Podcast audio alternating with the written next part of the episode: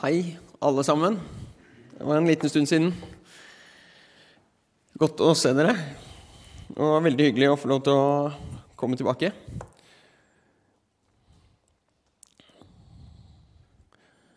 For eh, de som ikke kjenner meg, så heter jeg Lars Håkon. Jeg har eh, gått på Granli, på skolen her nede. Og det var veldig, veldig fint. Flytta fra Valdres og begynte i 7. klasse. Og gikk 7., 8., 9. og 10. her på Granli. Vært med i ungdomsarbeidet i mange år. Og eh, ja, noen år senere flytta til Oslo. Men eh, Granli var et veldig veldig trygt og godt sted å få komme til. Og få gå på skole og få gå fra en barnetro, barnetro til voksentro. Det var eh, veldig, veldig trygt å komme fra en eh, skole som eh, ting ikke var helt på stell på, og til et sted der eh, miljøet var kristent, eleven og lærerne var kristne. Det var ja, eh, salme og Fader vår eh, når vi starta skolen i 7. klasse. og det, det, var veldig godt å komme dit. Nå bor jeg i Oslo. Jobber i en eh, sykkelbutikk som støtt og stadig blir truffet av en bil, for de som har fått med seg det.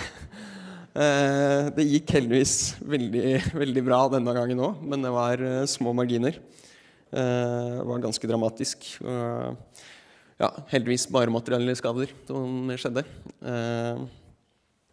Ja, vi lever og priser oss lykkelige over det. Man ja, begynner å tenke litt ekstra over hva som er viktig i livet når man uh, får sånne opplevelser. Det er sikkert mange av dere også som har vært borti ulykker eller uh, veldig skumle situasjoner. Og man uh, kjenner fort hvor skjørt livet, livet, er i de situasjonene. ja. Til vanligvis jobber jeg da i den sykkelbutikken. Og så flytta jeg inn i et veldig fint kollektiv i høst. Jeg tenkte jeg skulle si bitte litt om det. Eh, så skal jeg poste en video om det på Facebook-gruppa for de som har lyst til å se litt mer om det. Eh, Maritastiftelsen eh, kjenner kanskje flere av dere til. De driver et kollektiv i Oslo som jeg fikk lov å flytte inn i i høst. Det var uh, veldig fint. Det er et kollektiv for uh, ungdommer som har uh, hatt en litt vanskelig oppvekst. Og der bor vi sammen Det er to etasjer. En gutteetasje og en jenteetasje. så er det fire ansvarspersoner og fire ungdommer som ja, har en litt trøblete bakgrunn og trenger litt trygge rammer rundt seg. nå er det ikke fullt fire av hver, men det er et kjempefint tilbud for de ungdommene, hvor eh, vi, ja, det er jo Alle de ansvarspersonene som bor der, er kristne, og organisasjonen er kristen og har kristne verdier. Det skaper utrolig trygge og gode rammer for de ungdommene som trenger, uh, trenger det. Så vil jeg si kort om det. Uh, det er ikke sikkert dere har behov for å flytte inn i et sånt kollektiv, men som mange andre kristne organisasjoner så har de jo fått strammere budsjett de siste årene når det har blitt ja, eh, vanskeligere regler i forhold til å få støtte fra staten. Eh, så hvis dere har lyst til å gi en gave til det òg, eh, så kommer det en video. Men det jeg helst ville si, det er at dere kjenner ungdommene her. Og plutselig så er det ungdommer herfra som flytter til Oslo. Så si ifra til de at det fins et kollektiv de kan søke seg inn. Det er veldig rimelig leie. Det følger selvfølgelig med litt ansvarsoppgaver.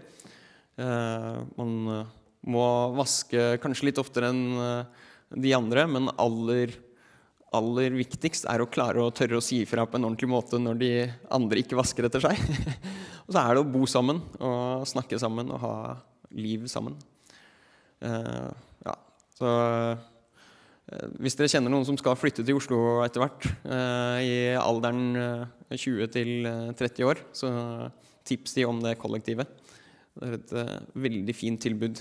Eh, ja, siden sist har jeg også fått meg kjæreste og blitt forlova. Det er veldig hyggelig.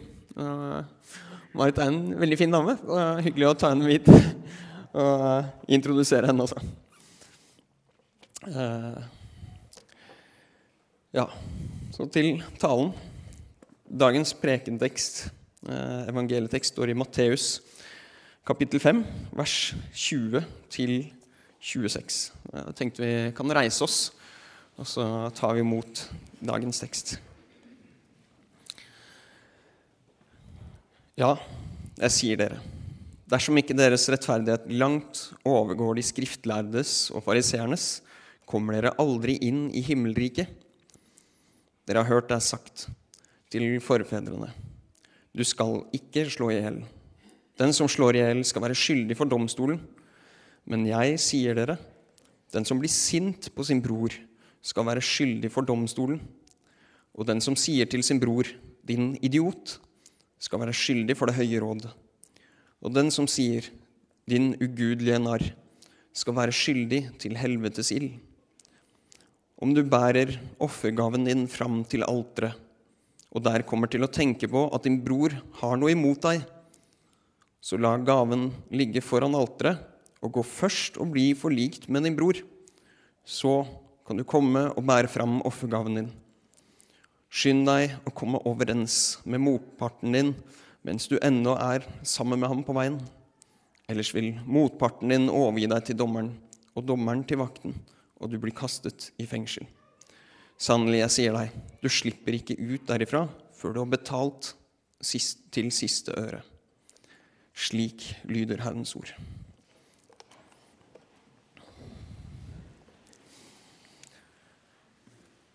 Dagens tekst, det er, eh, det er harde ord. Samme ene leseteksten fra Galaterne. Det er, det er harde ord.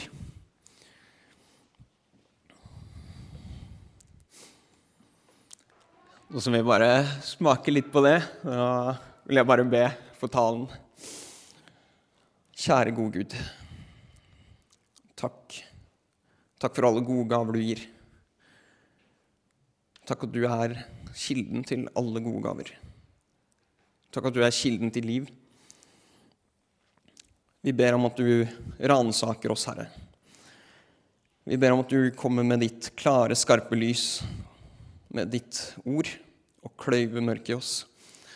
Vi ber om at du vasker oss rene og gir oss mot til å søke ly under dine vinger. Til å drikke av gledens bekk og av livets kilde. Amen. Tro, håp og kjærlighet er veldig abstrakte ord.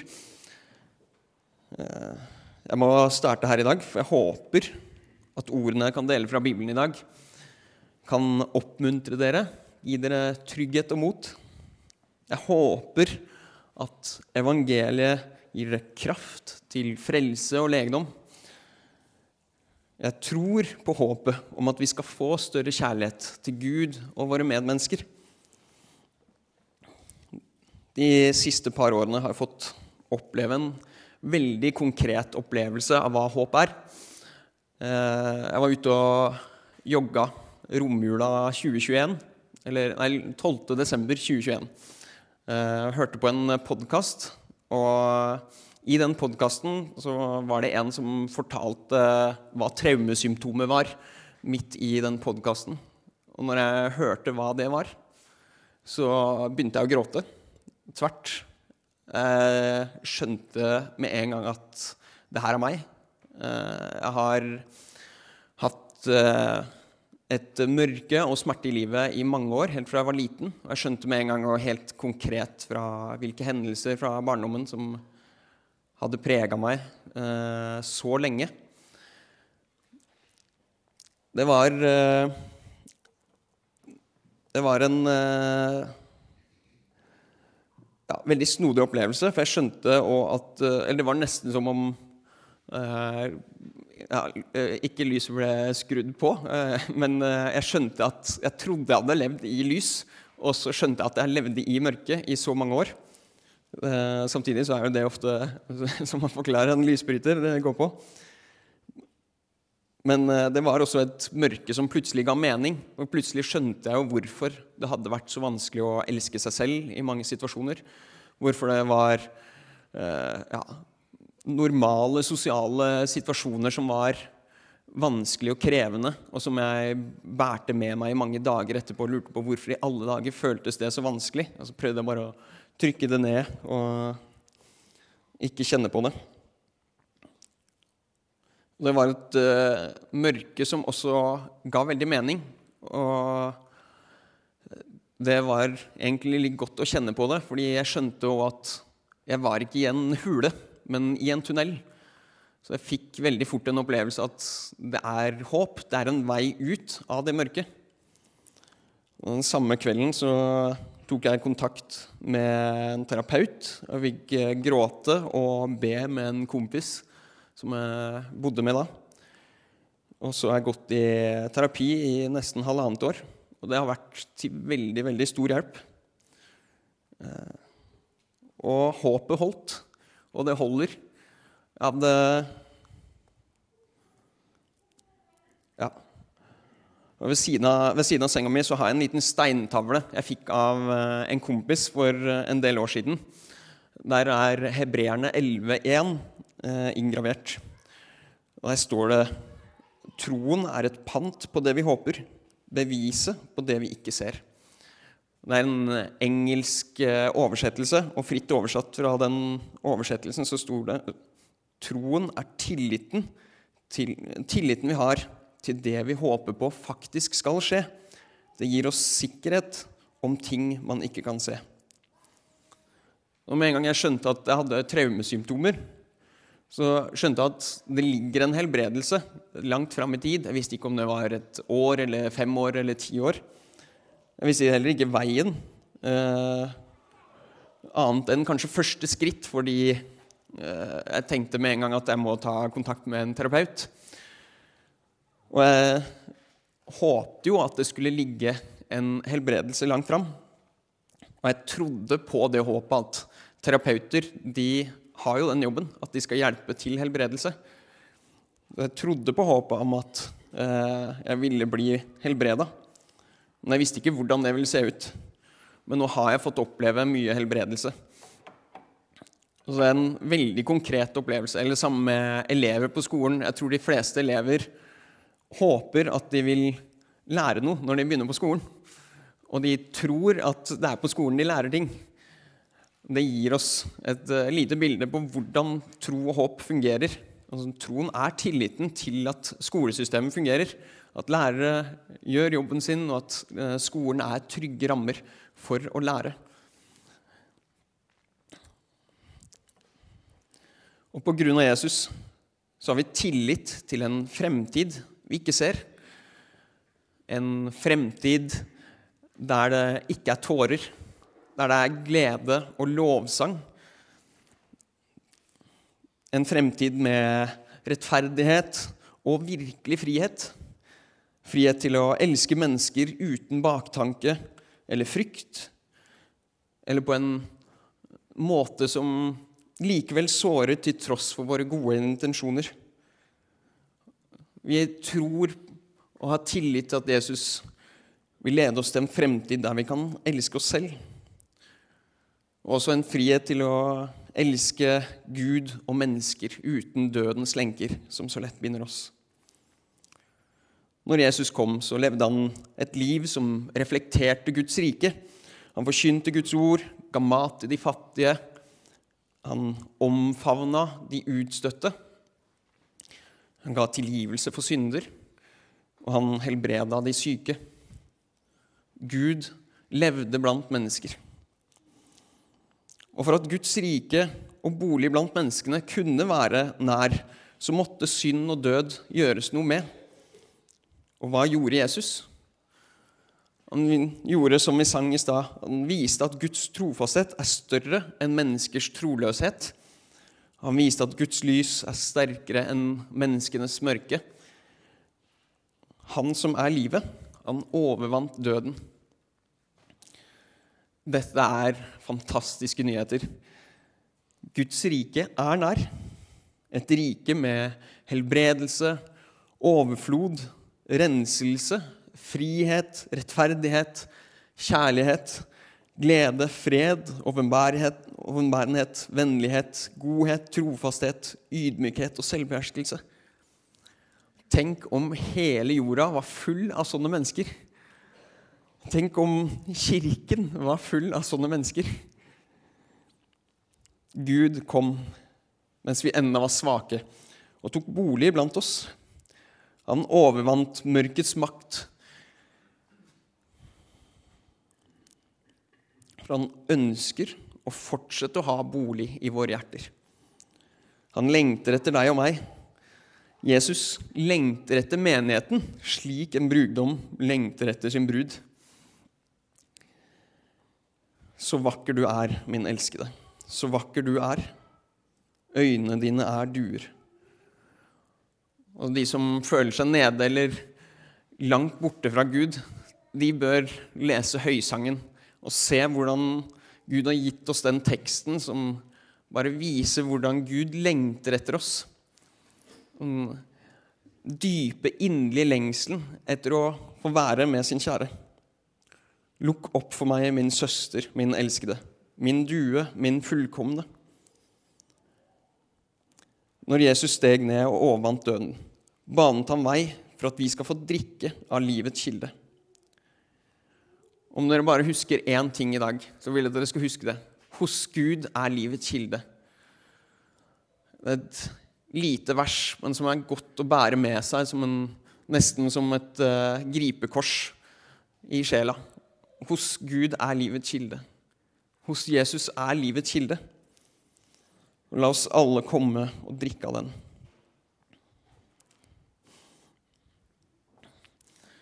Så over på dagens harde tekst.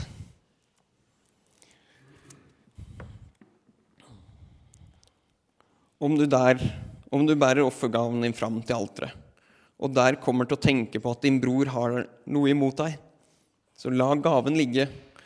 Gå først og bli forlikt, forliket med din bror. Det er ikke lett. Men folkens, hvorfor er ikke det lett?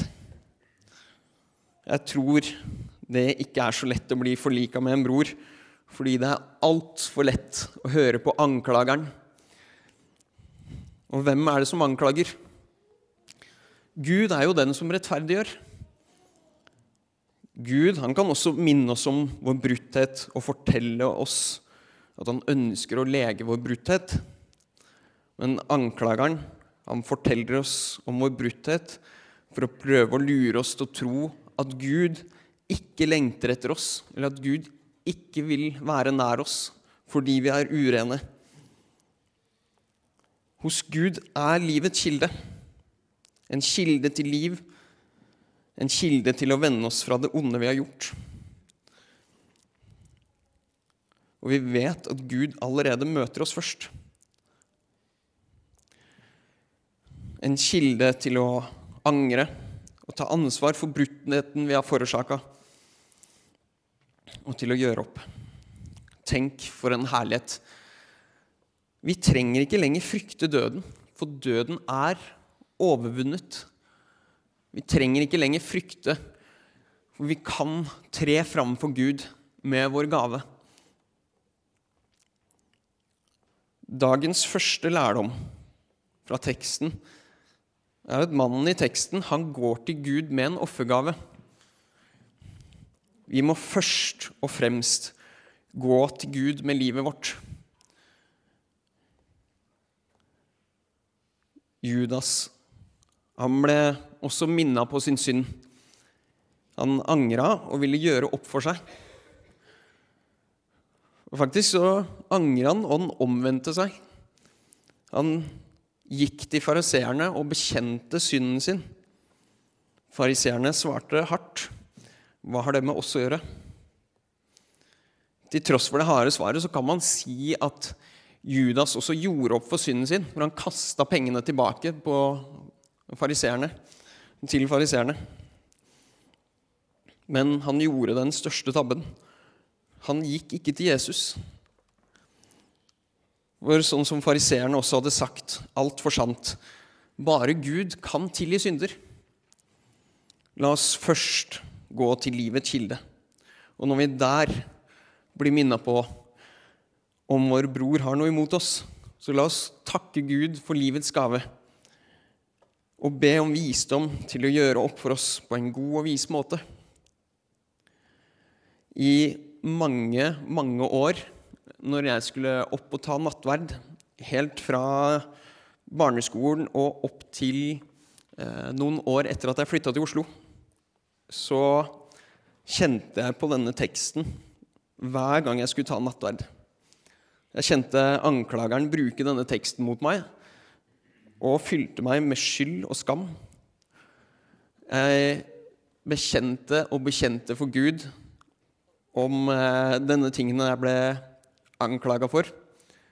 Og en dag så ga Gud meg heldigvis mot til å ringe en venn fra barneskolen. Spørre om vi kunne møtes. Vi traff hverandre, eh, ja, catcha litt opp. Og jeg fikk be om tilgivelse for noe som hadde plaga meg helt fra barneskolen. Frem til da så hadde den hendelsen med den kompisen alltid dukka opp når jeg satt i kirkebenken her eller andre steder og venta på nattverd. Det er jo en tekst som noen ganger leses også før nattverden. Eller før man gir offergaven sin. Og teksten minner meg hver gang på den hendelsen. Og Den første nattverden jeg tok etter det møtet, det ble begynnelsen på å virkelig få feire seierens måltid. Jeg tror helt sikkert det kan være flere enn meg som har en venn fra barneskolen eller en situasjon de tenker på at de gjerne skulle gjort opp når de hører den teksten her. Søk ly under Guds vinger. Drikk av livets kilde. Livets kilde er til deg. Døden er oppslukt i seier. Tiden er inne. Guds rike er kommet nær. Vend om og tro evangeliet.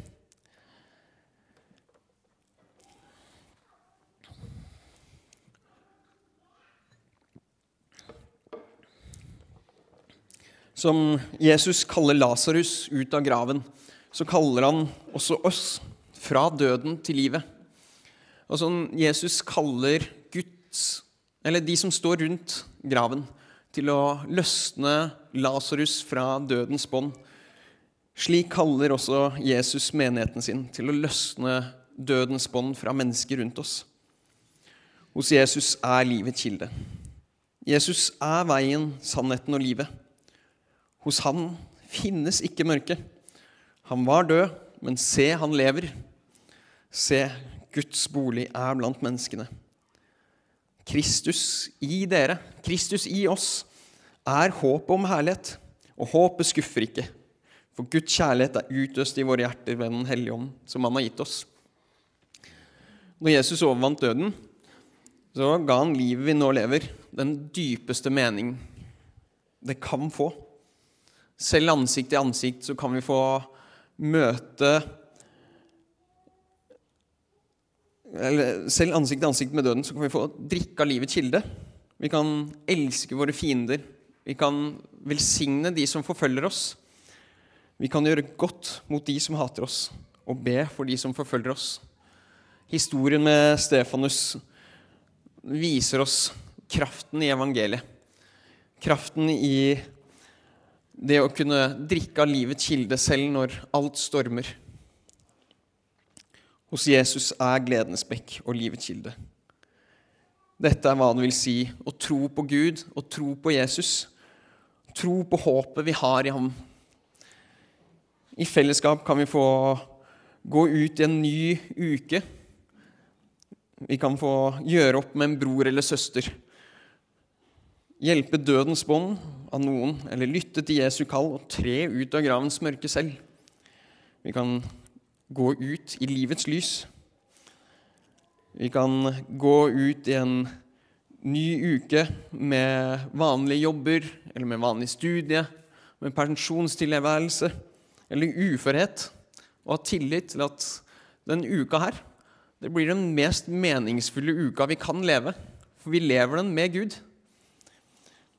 Og Gud gir oss kraft til det mest meningsfulle livet vi kan leve. Vi får et liv til å oppleve Guds under, til å være med å skape helbredelse, til å møte sorger med vissheten om at døden har mista sin brodd. Du kan gå ut i en ny uke og få kjenne på virkelig frihet. Til å møte mobberne med et smil, til å heise vårt flagg med korset som en gang var symbolet på død, men nå er symbolet på liv og seier. Vi kan gå ut i en ny uke som brødre og søstre og støtte hverandre oppmuntre hverandre med lovsang, stå skulder til skulder i bønn, og livet som fortsatt er prega av mye mørke rundt oss, men vite at sammen kan vi gå til Gud og drikke av livets kilde. Kjære gode Gud, takk at hos deg er livets kilde. Takk at du er med oss, møter oss i vår svakhet skaper helbredelse og legedom. Her må du være med oss inn i uka som kommer. Bare fyll oss med ditt ord. Åpne hjertet vårt for å se at du elsker oss, du lengter etter oss. At du ønsker å skape et liv hvor vi får lov til å være lys i verden. Amen.